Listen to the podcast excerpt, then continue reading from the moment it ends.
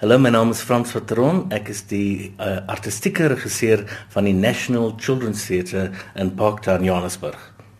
Ek sou graag met julle 'n bietjie wil praat oor 'n produksie wat op die oomblik aan die gang is. Dis 'n musikale verwerking van die bekende kinderboek uh Mr Popper's Penguins. Ek dink van die luisteraars sal seker onthou 'n hele paar jaar gelede was daar 'n film met um Jim Carrey wat die hoofrol gespeel het.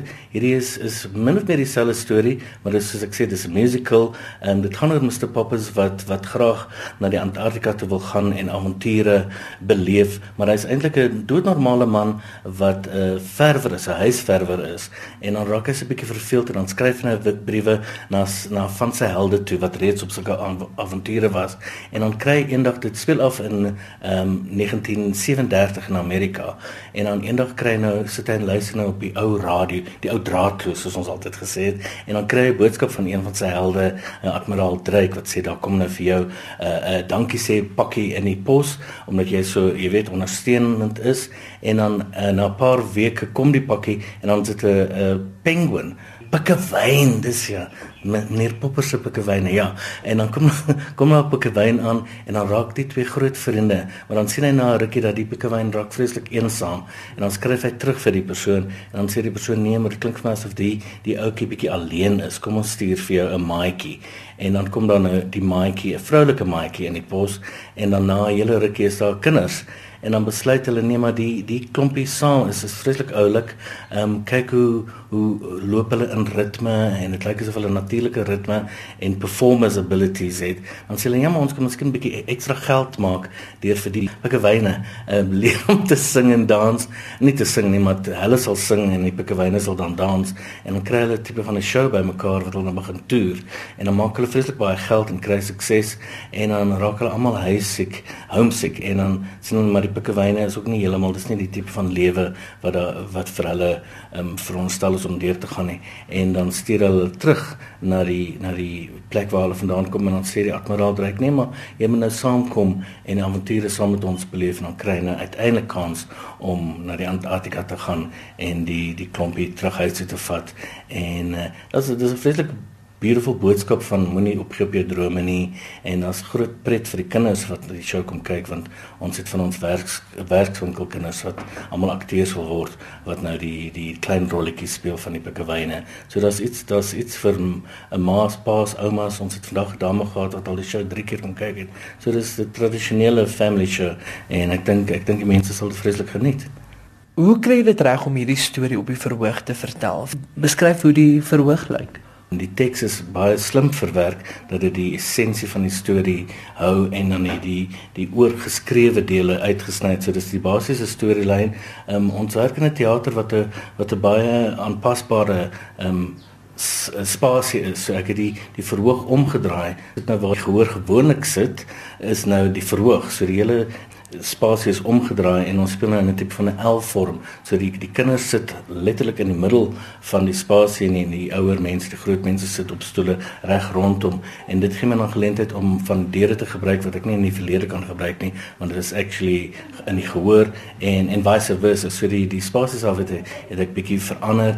Um, ons gebruik uh, professionele akteurs wat almal groot um, sterre gaan wees en van die mense is so Samuel Hyde het nou die internasionale internasionale toer van van Singing in the Rain gedoen. So dis 'n mengsel van van baie baie talentvolle nuwe akteurs en um, ervare akteurs plus dan kinders van van ons uh, Satra werkswinkel. So dit is 'n kombinasie en dit is dit is werklik daar's geen twee shows wat dieselfde is nie want ons het drie groepe kinders ook en dan wissel jy die kinders so hulle speel elke derde dag speel dan 'n show en dan is daar die een wat nie 'n uh, dag kan maak nie want hy siek of hy skryf eksamen of sy so elke dag is iets anders maar elke dag is daar 'n vreeslike positiewe atmosfeer op die verhoog wat die kinders kan aanvoel en also opgewondenheid en ek kan hoor want ek sit nou hier so by die by die ingangsportaal van van die teater is my kantoor en ek kan hoor as hulle inkom hulle as hulle die die pikkewyntjies sien jy weet hoe excited hulle is van die kinders het ook die fliek gesien dan dink hulle dis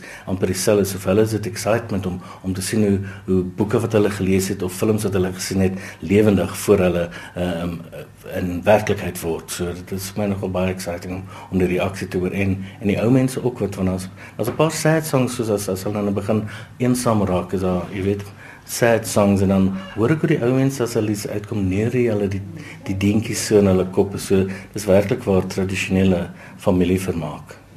Vind jy dat baie professionele akteurs juist terugkeer en meer betrokke raak met kinderteater? Ja, ja, ek kry dit gereeld wat mense um terugkom en weer audisie wil doen wat byvoorbeeld 3, 4 jaar gelede hier gewerk het wat goeie tyd ons ons het jy weet groot stukke gedoen so Susical en Aladdin en Honk en Wizard of Oz jy weet en vir al die die mense wat direk na Varsity hier begin kom werk en kry die geleentheid om in groot musicals hulle tande te slyp is 'n mooi woord. Ehm um, vir groot musicals en dan die ervaring om te doen want hulle doen 12 performances per week hierso.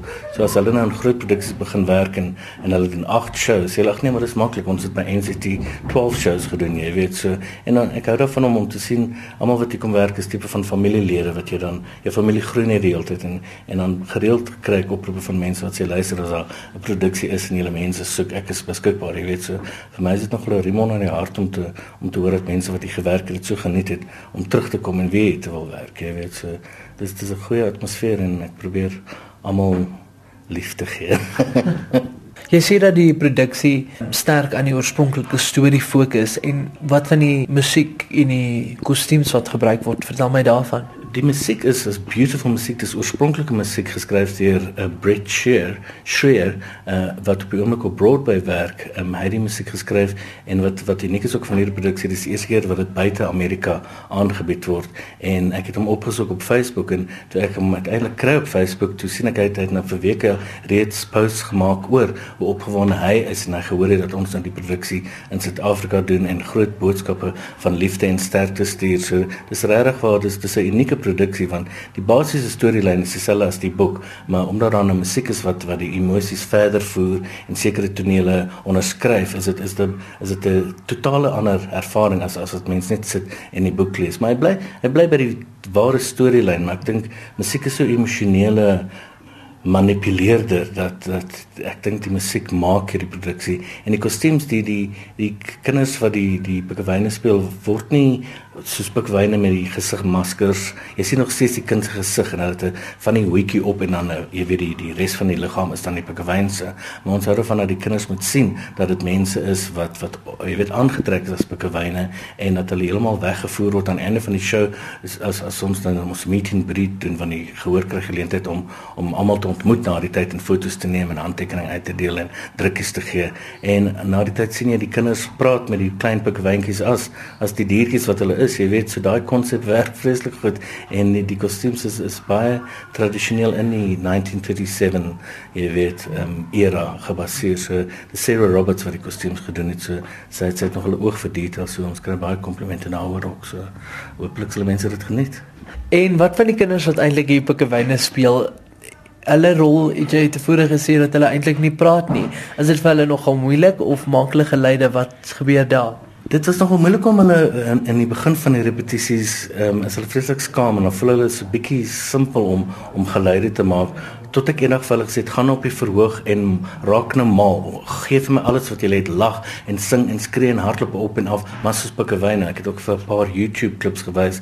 En toe hulle nou sien dat dit dat jy weet dit is nou nie die einde van die wêreld as ek nou jy weet bietjie funny op die verhoog net toe toe raak hulle nou baie meer om confident om om soos pikkewyne op te tree en hulle sing ook. Daar's daar's die hoofpikkewyntjie as hy nou eensaam is sing hy 'n liedjie in Engels jy weet. So so in as hulle alleen is praat hulle eintlik in penguin taal taal, maar ons verstaan dit want dit is eintlik Engels. Jy weet, so die konsep is dat die geleide wat jy hoor is eintlik Engels. So, ehm um, dis nie asof hulle niks sê of of praat nie, maar hulle, hulle sing wel en hulle is ook in tonele waar hulle kinders speel, mense kinders speel. So die kinders wat in die produksie is, is nie net ehm um, diertjies nie. Hulle speel ook regte kinders wat speletjies speel en in die openingsnommer sing hulle saam en dan in die finale kry hulle hulle buiging ook so.